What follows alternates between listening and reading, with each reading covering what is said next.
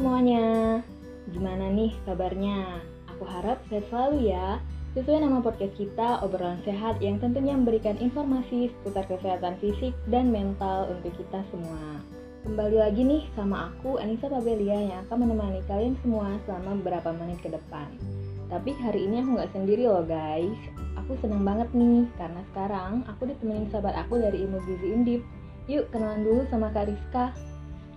Hai semuanya, kenalin nama aku Rizka dari Ilmu Gizi Undip 2018. Hai Kak Rizka, sekarang lagi sibuk apa nih Kak? Ya, lagi sibuk-sibuknya sebagai mahasiswa tingkat akhir lah ya. Nah, sekarang ini aku lagi magang gitu sih sambil uh, nyicil skripsi sama buat persiapan ujian kompetensi untuk bulan depan gitu sih. Waduh, padat banget ya jadwal Kak Rizka guys. Kita doain semoga Kak Rizka dimudahkan ya segala urusannya. Amin. Tapi aku penasaran deh Kak, apalagi kakak kan udah tingkat akhir nih. Sering ngerasa stres gak sih Kak? Itu mah nggak perlu ditanya lagi ya, udah pasti sih kalau itu. Nah, tapi sebenarnya stres itu wajar sih. Soalnya stres kan merupakan respon tubuh terhadap stresor psikososial seperti tekanan mental. Nah, dengan tugas sebanyak itu ya lumayan kena mental lah ya. iya ya kak, aku juga sebagai mahasiswa juga ngerasain banget sih stresnya. Mungkin Kak Rizka dan teman-teman mahasiswa lainnya juga ngerasain nih, ada aja gitu pemicunya, ya kayak tugas yang banyak, apalagi uh, kalau online ini kan koneksinya kadang tuh lambat atau sekarang tuh jadi terbatas gitu kan interaksi sosialnya. Nah, bener banget itu Bel dan kalau kita nggak bisa ngendalin stres bakal banyak dampak negatifnya. Nah makanya kita butuh strategi nih untuk menghadapi stres. Kalau istilah medisnya sih biasanya disebut coping stress. Wah coping stress. Ilmu baru nih kak. Tapi aku masih belum begitu paham deh kak. Mau dong kak dijelasin tentang coping stress? Jadi coping stress itu semacam metode yang bisa kita lakuin untuk menghilangkan stres. Dan tiap orang itu tentunya beda-beda nih coping stressnya. Ada yang mendengarkan musik, menonton televisi, tidur, melakukan hobi, bercerita dengan teman dekat, olahraga, dan lain sebagainya. Dan termasuk melihat-lihat media sosial dalam waktu yang lama itu termasuk coping stress loh, Bel. Oh iya, paham-paham. Kalau Kariska sendiri nih, metode coping stressnya apa sih, Kak? Nah, kalau aku biasanya cerita sih sama, sama teman atau enggak jalan-jalan kayak gitu sih. Oh, kalau makan itu termasuk gak sih kak coping stress? Soalnya aku tuh kalau stres tuh jadi banyak makan gitu kak. Nah, iya itu termasuk salah satu metode coping stress. Jadi, makan sebagai metode coping stress memiliki arti mengonsumsi makanan bukan karena merasa lapar, namun untuk memuaskan hasrat karena merasa tidak sanggup menahan beban yang terjadi atau disebut dengan emotional eating.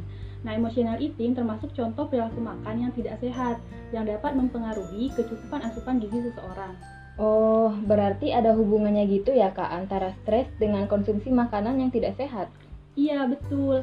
Bahkan udah ada nih penelitiannya Makan makanan manis dan coklat dilaporkan itu lebih banyak dikonsumsi pada saat kita stres. Bahkan ada kelompok yang memiliki kecenderungan untuk makan lebih sedikit pada saat stres atau sebaliknya, di mana konsumsi buah dan sayur dilaporkan lebih sedikit atau tidak mengalami perubahan jumlah konsumsinya pada saat seseorang mengalami stres.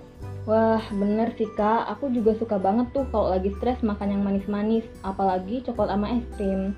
Tapi ada nggak sih kak cara buat kita bedain mana makan biasa sama makan gara-gara emotional eating? Emotional eating mengacu pada dorongan untuk makan sebagai reaksi terhadap perasaan negatif atau rasa stres. Individu yang mengalami emotional eating akan makan berlebih bukan karena lapar, tetapi sebagai upaya untuk memperbaiki suasana hati dan meminimalisir ketidaknyamanan akibat stres. Berdasarkan penelitian, 55% responden mengalami emotional eating saat masa pandemi sebagai cara untuk mengatasi rasa cemas loh Bel. Wah, berarti ngaruh banget ya kak pandemi ini sama perilaku emotional eating seseorang. Tapi selain stres, ada lagi nggak sih kak hal lain yang bisa memicu emotional eating? Tentunya ada sih, di mana berdasarkan penelitian sebelumnya telah menjelaskan bahwa ketika seseorang merasakan emosi negatif seperti kecemasan, kesedihan, atau kesepian akan menimbulkan respon berupa emotional eating. Artinya, emotional eating merupakan bentuk coping strategi untuk mengatasi stres dan kecemasan. Nah, coping strategi sendiri ini sebenarnya dibagi menjadi dua, yaitu problem focus coping dan emotion focus coping. Problem focus coping merupakan perilaku coping yang tepat dan efektif. Salah satunya adalah dengan mengatasi secara langsung masalah-masalah yang muncul dan tidak menghindari masalah. Sedangkan emotion focus coping merupakan coping strategi yang berorientasi pada emosi yang merupakan sebuah usaha untuk meredakan atau mengelola stres emosional yang muncul saat individu tersebut berinteraksi dengan lingkungan. Hmm, nah kalau antara laki-laki dan perempuan ada perbedaan nggak sih kak kalau masalah emotional eating? Nah tentu ada dong, di mana perempuan cenderung memiliki dorongan untuk makan yang lebih kuat ketika merasa emosional seperti bosan atau hal lainnya. Hal tersebut juga didukung oleh pernyataan dari uh, Hamilton dan Favre dari penelitian sebelumnya pada tahun 2007 yang mengatakan bahwa laki-laki cenderung untuk menggunakan problem focus coping dibandingkan dengan perempuan. Sementara perempuan lebih cenderung menggunakan emotion focus coping dibandingkan dengan laki-laki. Oh, paham Kak. Berarti kalau laki-laki stres itu lebih milih untuk ngantesin masalahnya, sedangkan perempuan lebih ngedepanin emosinya. Makanya perempuan lebih banyak yang mengalami emotional eating ya, Kak. Nah, kalau dampak negatif dari emotional eating tuh apa aja ya, Kak? Ya, pastinya bisa bikin berat badan bertambah. Karena pada saat mengalami emotional eating, seseorang cenderung memilih makanan yang tinggi energi dan lemak Apabila kebiasaan ini terus-menerus dilakukan akan menyebabkan kenaikan berat badan secara signifikan sehingga bisa menjadi overweight atau obesitas. Sebaliknya, ada beberapa orang yang apabila sedang dalam keadaan stres mengonsumsi makanan dalam jumlah yang sedikit atau bahkan tidak makan sama sekali. Apabila hal ini terjadi dalam jangka waktu yang lama, maka akan mempengaruhi berat badan. Berat badan yang tidak terkontrol akan mempengaruhi keadaan status gizi. Wah, bikin gemuk. Itu hal yang paling ditakutin perempuan banget kayaknya ya, Kak. Terutama aku sih. Terus kalau pengen ngatasin emotional eating, caranya gimana tuh, Kak? Nah, kalau dari aku sendiri, ada tiga tips nih yang bisa kita lakuin untuk mengatasi emotional eating. Pertama, kita harus sadar dulu nih kondisinya, terus cari pengalihan lain nih. Jadi kalau kamu stres terus ada dorongan untuk makan, sadari kalau itu emotional eating. Jadi kamu harus bertekad nih buat menahannya. Terus cari pengalihan nih kayak jalan-jalan, dengerin musik, atau ngobrol sama temen sih.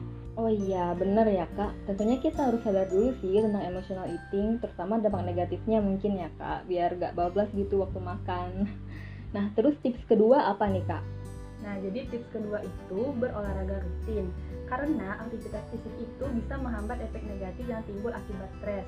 Contohnya, yoga dan tai chi adalah jenis olahraga yang sangat cocok nih untuk meredakan stres dan menekan keinginan emosional eating karena keduanya merupakan gabungan dari aktivitas fisik dan meditasi di mana meditasi akan membantu kita merasa lebih tenang dalam menghadapi tekanan yang dialami. Oh siap kak, kalau gitu nanti aku mau belajar yoga dan tai chi deh. nah tips yang terakhir apa tuh kak? Nah kalau tips yang terakhir itu menghindari menyimpan cemilan. Nah soalnya kalau kita nggak punya cemilan, otomatis keinginan makan bisa kita alihkan dengan mudah kan? Daripada kalau kita nyimpan cemilan, apalagi yang nggak sehat nih, mending kita nyimpan makanan sehat seperti buah dan sayur. Wah, itu paling bener sih kak. Soalnya kadang rasa mager kita tuh lebih besar dari rasa lapar. Kalau terlalu praktis dengan adanya cemilan, pastinya susah buat nahan laparnya ya kak. Iya nih benar. Oke okay guys, tadi itu tips dari Karisa nih buat kalian yang mungkin lagi mengalami emotional eating. Ya lumayan berbobot ya guys episode kita kali ini, soalnya kedatangan masih ilmu gizi nih. Dan aku makasih banget nih buat Kak Rizka yang udah nyempetin datang ke podcast aku di tengah kesibukan kakak yang lagi banyak banget nih. Ya sebagai mahasiswa tingkat akhir. Santai aja, aku juga seneng kok bisa berbagi sama teman-teman semuanya. Ya kak, semoga materi kali ini bisa bermanfaat ya untuk kita semua. Oke guys, segitu dulu podcast hari ini. Aku Anissa Pabelia pamit dulu, sampai jumpa minggu depan. Bye!